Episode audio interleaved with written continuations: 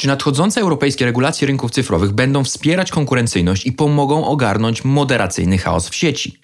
Witam w Sceptechu, podcaście Klubu Jagiellońskiego, w którym z pewnym sceptycyzmem patrzymy na politykę technologiczną i trendy rozwoju świata cyfrowego. Ja się nazywam Bartosz Pasza, montażystą tego odcinka jest Konrad Trzebicki. Ten konkretnie odcinek powstaje zaś we współpracy z Allegro, z którym wspólnie Klub Jagielloński organizuje taki projekt dyskusji nad właśnie regulacjami DMA i DSA. Jeśli te skróty Wam nic nie mówią, to spokojnie, bo w czasie tego odcinka na pewno dowiecie się o nich więcej, a efekty samych seminarium wkrótce będziecie mogli zobaczyć na naszym portalu klubjagielloński.pl. W Europie trwa przeciąganie liny w sprawie regulacji rynków cyfrowych, która w grudniu ubiegłego roku trafiła do Parlamentu Europejskiego. Dzisiaj porozmawiamy o spojrzeniu dużych i średnich europejskich spółek technologicznych na te właśnie propozycje.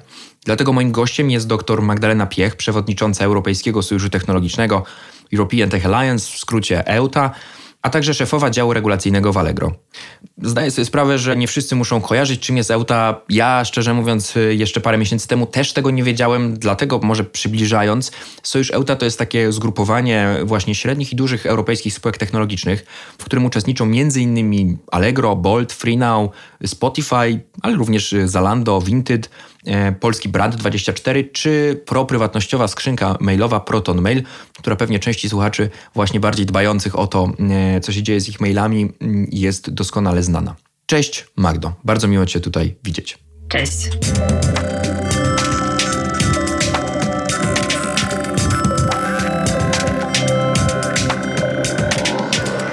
Porozmawiamy właśnie o spojrzeniu europejskich firm technologicznych na proponowane w Unii Europejskiej regulacje. A będzie mowa o dwóch stanowiących pewien pakiet, czyli akcie o rynkach cyfrowych, po angielsku Digital Markets Act i w skrócie DMA, oraz akcie o usługach cyfrowych, Digital Services Act, w skrócie DSA.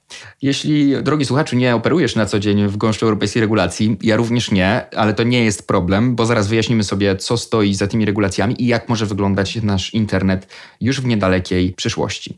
Krótko zaczynając od tego, czym jest DEMA, ta regulacja ma na celu podnieść konkurencyjność na rynkach cyfrowych i w pewien sposób utrudnić tym największym firmom technologicznym, tym ogromnym platformom, które wszyscy już znamy i w których, o których w podcaście dużo rozmawiamy, wykorzystywanie swojej pozycji dominującej do właśnie takiego całkowitego zdominowania rynku.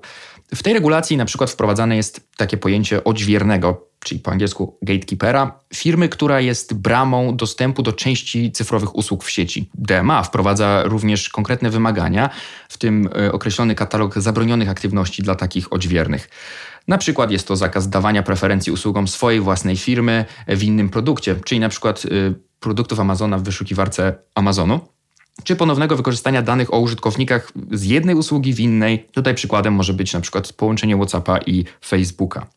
Z kolei Digital Services Act, akt o usługach cyfrowych, skupia się na tematach dotyczących moderacji treści w sieci, o którym też już dużo rozmawialiśmy. On nie znosi e, wyłączenia z odpowiedzialności platform za zamieszczane przez użytkowników treści, ale wprowadza pewne procesy i procedury, po pierwsze dotyczące odwoływania się przez użytkowników od tych decyzji, po drugie e, tego zgłoszenia i rozpatrywania zgłoszenia nielegalnych treści.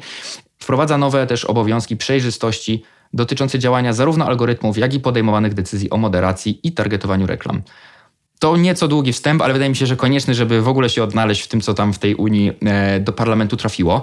Więc moje pierwsze pytanie i bardzo krótkie. Gdybyśmy mieli skalę szkolną i miałabyś, Magdo, wystawić takie szacunkowe oceny e, aktualnemu kształtowi tych, tych dwóch regulacji, które są jeszcze w konsultacjach, to jakie by to były oceny? Co według Ciebie tam jest dobre i co być może wymaga poprawy? Może być po jednym punkcie. Okej. Okay. Myślę, że obu regulacjom wystawiłabym mocną czwórkę. Czwórkę dlatego, że zarówno y, potrzeba uregulowania pozycji y, gatekeepera, ty mówisz odźwiernego, y, ja lubię tłumaczenie strażnika bram. I to chyba jaśniejsze określenie, tak bardziej tak. zrozumiałe.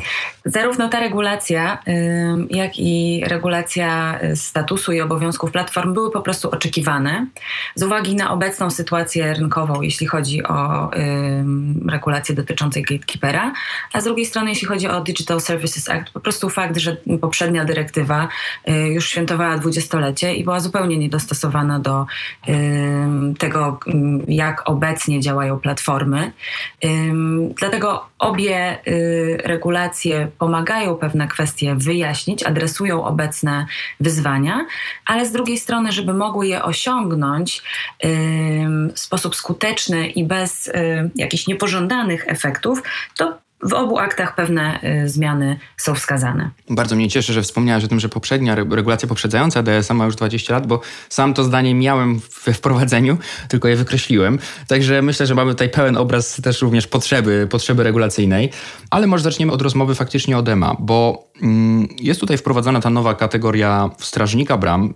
Bardziej mi się podoba to, to określenie. A w stanowisku Europejskiego Sojuszu Technologicznego jest położony nacisk na to, że mm, te procedury dookoła autoidentyfikacji, bo to firma sama ma się określić, czy jestem strażnikiem, e, i później wprowadzania różnych zobowiązań, egzekucji, zakazów, że konieczne jest ich bardzo sprawne działanie i szybkie, tak? Bo w internecie nie ma czasu na trzyletnią czy pięcioletnią batalię sądową prowadzącą do zmian, które, które wydarzają się zdecydowanie zbyt późno.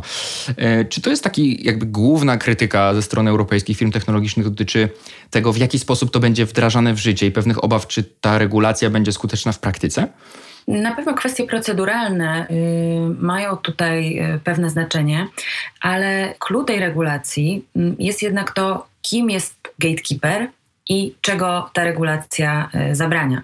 Tutaj y, mechanizm Digital Markets Act, który wcześniej był potocznie określany jako mechanizm ex ante, właśnie polega na tym, że to nie organy y, będą y, miały tą rolę wiodącą y, po zaobserwowaniu jakichś negatywnych praktyk, tylko że spełniwszy pewne, pewne kryteria, y, firma, y, która y, no jest, uzna, że, że, że jest pełnia jest gatekeeperem, po prostu będzie musiała z chwilą rozpoczęcia stosowania tego rozporządzenia przestać pewne praktyki stosować. Chociażby to wspomniane e, przez Ciebie e, łączenie e, danych z różnych usług. Mm, więc tutaj tak naprawdę rola organów, oczywiście Komisja Europejska będzie w tym identyfikowaniu gatekeepera też miała pewną rolę. Gatekeeper musi notyfikować do komisji, że spełnia kryteria. Jest tu pewien taki dialog regulacyjny. Natomiast to nie jest przesłanką y, niezbędną do tego, żeby gatekeeper zaczął się stosować y, do y, tych obowiązków, które DMA nakłada, więc ten aspekt proceduralny ma, będzie miał większo, większe znaczenie już na etapie weryfikowania, czy gatekeeper stosuje się do tego, do tego rozporządzenia, do, do tych obowiązków czy zakazów, które ono wprowadza.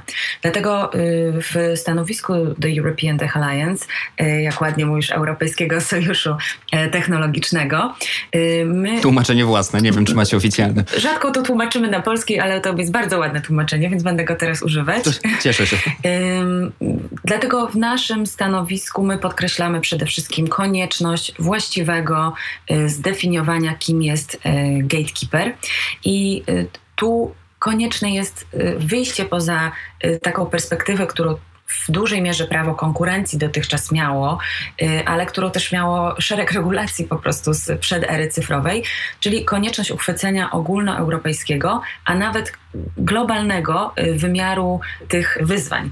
Bo y, gatekeeperem nie może być podmiot, który ma mocną pozycję na rynku krajowym, czy ma mocną pozycję w ramach jednej usługi. Czy to będzie sieć społecznościowa, czy to będzie marketplace. Tu nie chodzi o ten typ y, firm, to chodzi o firmy, które mają bardzo mocną pozycję, w, w, jeśli chodzi o ilość użytkowników, która wykracza poza to, co właściwie można mieć w jednym państwie członkowskim, których przychody są kolosalne, y, właściwie nie, nieporównywalne do, do y, przychodów żadnej z, ze spółek w Europie, no i które też funkcjonują w wielu państwach członkowskich. Mm, więc te kryteria, y, oczywiście tam jest połączenie kryteriów ilościowych i jakościowych, mm, natomiast te jakościowe y, są ocenne, y, a ilościowe wprowadzają pewną precyzję. Precyzję to są domniemania, że jeśli spełniasz kryteria ilościowe, no to jesteś gatekeeperem. Możesz oczywiście potem próbować z tym dyskutować, ale to ma uprościć ten proces identyfikacji. I teraz nasz bardzo y, mocny przekaz w EUCie jest taki, że tak naprawdę globalnie jest tylko kilka firm, które mają e, unikalną pozycję, które oferują usługi, z których właściwie wszystkie firmy zrzeszone w EUTA muszą korzystać, ale nie tylko w EUTA, bo, bo ten problem jest też e, obserwowany na innych kontynentach. W Stanach też się toczy dyskusja na temat regulacji gatekeeperów, więc chodzi o to, żeby nie doprowadzić do sytuacji, że firma, która jest w jednym kraju bądź na jednym rynku usług silna, zostanie teraz gatekeeperem i będzie musiała stosować się do tych wszystkich obowiązków, bo wtedy byłoby to, mm, jakby nie spełniłoby to tego celu, który komisja sobie stawiała, to znaczy otwarcie rynku cyfrowego europejskiego na inne podmioty. Y, natomiast jeżeli firmy lokalne, właśnie, które nie, nie są de facto y, tym y, strażnikiem bram, byłyby uznane za gatekeeperów, to wtedy Europa mogłaby stracić na tym i rzeczywiście możliwość zmiany status quo, czyli zbudowania dużo bardziej różnorodnej mm, gospodarki cyfrowej w Europie, mógłby nie zostać osiągnięty. Czyli w internecie, waszym stanowiskiem jest, że w internecie trudno mówić o lokalnej konkurencyjności, tak jak urzędy ochrony konsumentów i konkurencji e, zwyczaj patrzyły na, na lokalny rynek, bo po prostu ten rynek jest e, zglobalizowany z samej natury, natury internetu i e, trzeba brać pod uwagę konkurencję globalną. A ja z kolei w przypadku DMA y, zwracam uwagę na to, czego mi tam właściwie brakuje najbardziej i, i to chyba wpływa najmocniej na moją ocenę, y, no bo przez y, ostatnie lata bardzo, bardzo dużo również w Brukseli mówiło się o interoperacyjności, a tej interoperacyjności w DMA nie ma albo praktycznie nie ma dla wyjaśnienia też, co rozumiemy, bo to pojęcie wytrych interoperacyjny, ze względu na to, że jest też trochę techniczne, to wszyscy tutaj używają sobie w wygodniej, wygodnym rozumieniu, w zależności od tego, co kto chce osiągnąć i pod co się podczepić. No, ale ja rozumiem interoperacyjność jako zasadniczo um, otwarcie, um, otwarcie platform, czy też rozszczelnienie różnych usług oferowanych przez, e, przez te same platformy, czyli udostępnienie interfejsów um, takich dostępnych również dla, dla podmiotów zewnętrznych, żeby można się podpinać i oferować konkurencyjne usługi. Ta ta definiția zgaduję, nie jest najlepszą i najbardziej jasną, ale w praktyce już też kiedyś o tym w podcaście rozmawialiśmy. Tu chodzi na przykład o to, żebyśmy mogli sobie wysłać wiadomość z jednej platformy mediów społecznościowego na drugą, czyli z Twittera na Facebooka, żebyśmy mogli na przykład oferować y, różne usługi z wykorzystaniem interfejsów platform, tak tam, gdzie dzisiaj mamy pewien zamknięty ekosystem należący do jednej firmy, z której nie możemy za bardzo y, wyjść, jeżeli chcemy, jeżeli chcemy korzystać nawet tylko z części usług, tak y, wprowadzenie interoperacyjności, umożliwienie konkurencji, na przykład w tym, kto na, zaprojektuje najlepszą aplikację do obsługi wiadomości tekstowych, tak? czyli najlepszego messengera, czy konkurencję dla messengera Facebooka, umożliwiającego kontaktowanie się z wszystkimi naszymi znajomymi, niezależnie od tego, na którym sieci społecznościowej są, to jest y, według mnie bardzo, jakby nie tylko według mnie zresztą, bo również według raportu Brytyjskiej Komisji Eksperckiej, to jest ten klucz, który, jeśli chodzi o konkurencyjność, może być fundamentalny do, do faktycznie odtworzenia tej internetowej konkurencyjności. Tymczasem w DMA praktycznie tego typu zobowiązań dla firm i dla wielkich platform, żeby otwierać swoje interfejsy, nie ma. Pytanie, czy to jest coś, co w jest tematem dyskusji, to jest coś, na co ta interoperacyjność to jest coś, y, na co patrzycie z pewną nadzieją, czy, czy w ogóle to pozostaje mm, gdzieś tam na uboczu dyskusji? Rzeczywiście o interoperacyjność, o którą pytałeś, ona się jako hasło y, nie pojawia w DMA i też jako EUTA y, nie mamy tego hasła jako takiego y, na sztandarach. Natomiast w DMA jest szereg postanowień, które dotyczą chociażby właśnie zakazu preferencyjnego traktowania swoich usług, powiązywania oferowanych usług czy łączenia danych z różnych usług, które w pewnym sensie idą w kierunku, o którym mówisz. Ja bym powiedziała, że jeżeli te przepisy zostaną zostaną dobrze doprecyzowane, to one mogą osiągnąć e, podobny cel, jak e, ta dość precyzyjnie zdefiniowana pod kątem e, technicznym interoperacyjność, o której ty mówiłeś. Natomiast tu też chciałabym może wrócić, może słowo komentarza do, do samej interoperacyjności i tych głosów dodać. Mm, bo trzeba mieć taką świadomość, że dla każdej z y, firm europejskich, dla każdej z firm prawdopodobnie, która jest w tym etapie rozwoju od startupa do scale-upa i, i oby, oby jeszcze dalej, dane mają ogromną y, wartość. I to jest oczywiste, a to, co jest mniej oczywiste, to, że y, dane, które się gromadzi, wcale nie jest tak łatwo wykorzystywać i żeby zrobić to w sposób mądry, trzeba naprawdę zainwestować w dobrą strategię, w dobre rozwiązania infrastrukturalne, Trzeba mieć świetnych ludzi, którzy są w stanie pewną strategię, czy to wykorzystania sztucznej inteligencji, czy big data, którzy potrafią to stworzyć. I moim zdaniem, z moich obserwacji, właśnie firmy typu scale-up są na etapie, kiedy uczą się wykorzystywać te dane, które mają, które doskonalą swoje usługi, rzeczywiście zbiory danych, które posiadają, zaczynają y, przynosić ogromną wartość dla zarówno doskonalenia usług, jakie oferujemy, y, jak i y, usprawniania naszych procesów.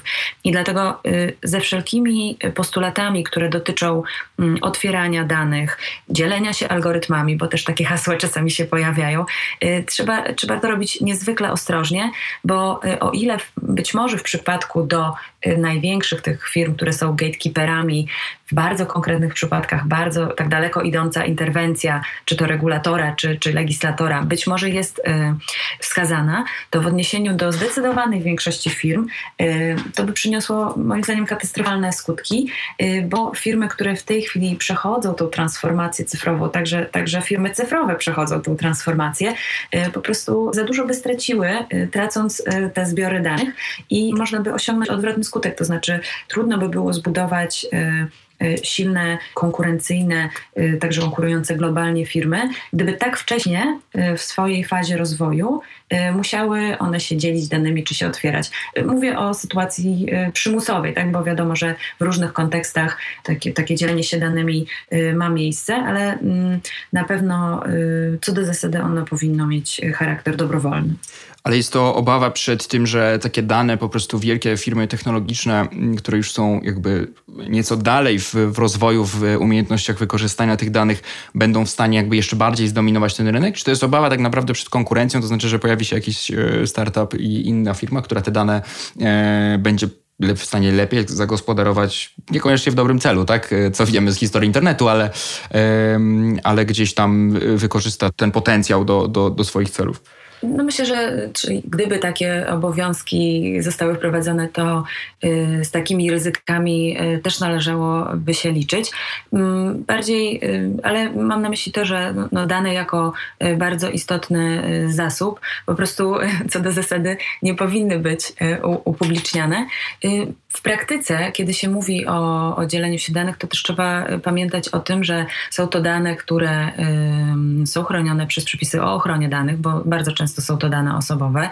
Y, czasami są to dane y, partnerów biznesowych, y, bo jeżeli działa się w modelu platform, to, to, to też przeważnie takie dane są, są w tym zbiorze, więc jest to kwestia dużo bardziej złożona i czasami nawet w sytuacji, kiedy firmy chcą się dzielić danymi, takie ograniczenia właśnie związane z, czy to z ochroną danych, czy, czy z kwestiami bezpieczeństwa się pojawiają. Natomiast chyba to, o czym mówię, to jest element takiego szerszego obrazu, czy szerszego może hasła, które EUTA bardzo podkreśla. To znaczy, regulując technologię, czy to y, gospodarkę platform, mamy też wiele innych y, regulacji, o których dzisiaj nie rozmawiamy, jak choćby sztuczna inteligencja, regulując technologię, Y, dla y, Europy. Nie patrzmy na firmy globalne o ogromnych zasobach, nie projektujmy przepisów przez pryzmat ich modeli biznesowych, bo Europa ma y, po prostu kolosalną liczbę fantastycznych firm technologicznych o bardzo zróżnicowanych modelach biznesowych i to, co może działać dla pewnych firm, które przychodzą nam do głowy jako pierwsze, kiedy myślimy o technologiach, nie będzie działało dla wielu innych firm. I mogę Ci podać przykład. Y, z naszych prac w EUTA y, dotyczących Digital y, Services Act. Jeszcze zanim Komisja Europejska opublikowała ten projekt, my stwierdziliśmy, że ponieważ zrzeszamy bardzo różnorodne platformy, zarówno sprzedażowe, sieci społecznościowe, ogłoszeniowe, portale randkowe, to zrzeszamy bardzo dużo różnorodnych firm i wszystkie te firmy mm, wychodzą znacząco poza to, czego wymagała dyrektywa o handlu elektronicznym, jeśli chodzi o nasze obowiązki obowiązki, naszą, jeśli chodzi o nasze działania, żeby zwalczać jakieś nielegalne treści czy nie, nieuczciwe praktyki na naszych platformach, stwierdziliśmy, że mając tą wiedzę i tą różnorodność, po prostu wypiszemy listę praktyk, które Komisja Europejska będzie mogła wykorzystać w Digital Services Act jako to, co platformy mogłyby robić. Czyli taki wspólny zestaw, wspólny mianownik dla nas wszystkich. I ogromnym zaskoczeniem było dla nas, że to nie jest możliwe, że platformy bardzo różnorodnie podchodzą do zapewniania zgodności zgodności z prawem i bezpieczeństwa na swojej platformie i po prostu uspójnienie tego z katalogu, jeśli on miałby być bardzo szczegółowy, spowoduje, że pewne obowiązki nie będą miały sensu dla niektórych graczy. Tak, w konkretnej branży, czy biorąc pod uwagę konkretny rodzaj treści. Nawet patrząc na marketplace'y, czyli platformy sprzedażowe, dla Allegro bardzo istotnym sposobem na identyfikowanie treści bezprawnych czy bezprawnych ofert, problematycznych ofert, jest możliwość zgłoszenia każdej oferty przez użytkownika. I takie zgłoszenie potem trafia do, do naszego zespołu bezpieczeństwa, który to analizuje. Jeżeli zgłoszenie jest zasadne, to usuwa. I myśleliśmy, Dobrze, to niech każdy, każda platforma ma taki, taką możliwość flagowania y, treści użytkowników. Natomiast okazało się, że nie ma to sensu, bo y, albo platform, bo, bo, platforma, inne platformy na przykład nie, ma, nie, nie weryfikują y, ex post y, tych ofert, ale dużo bardziej skrupulatnie weryfikują, kto może sprzedawać na ich platformie. Czyli robią te y, wstępne czy nie każdy użytkownik, tylko tak. selekcja tak. firm? Nie każdy użytkownik biznesowy, yy, tylko firma, którą bardzo dokładnie sprawdzono, która może wejść y, na konkretną platformę.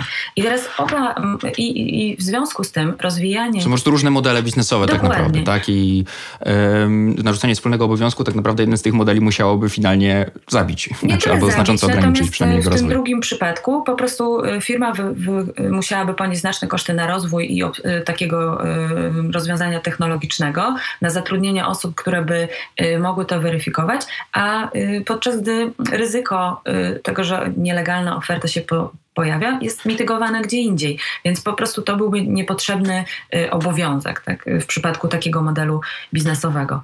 Y, dlatego. Y, Trudno tu o wspólne standardy. Potrzebne jest uwzględnienie tej wielkiej różnorodności. Tak, tak. Czym płynnie, i bardzo się z tego cieszę, przeszliśmy do, do właśnie rozmowy o tej drugiej regulacji, czyli DSA, um, która dotyczy pewnie tematu o wiele bardziej zrozumiałego, czy też znanego każdemu z nas, bo afery związane z moderacją treści to jest właściwie element codzienności w 2021 roku. Na różnych platformach i w różnych decyzjach, czasami to krytykowanie usunięcia, czasami y, domaganie się usunięcia, takie rzeczy w internecie dziś na co dzień się zdarzają.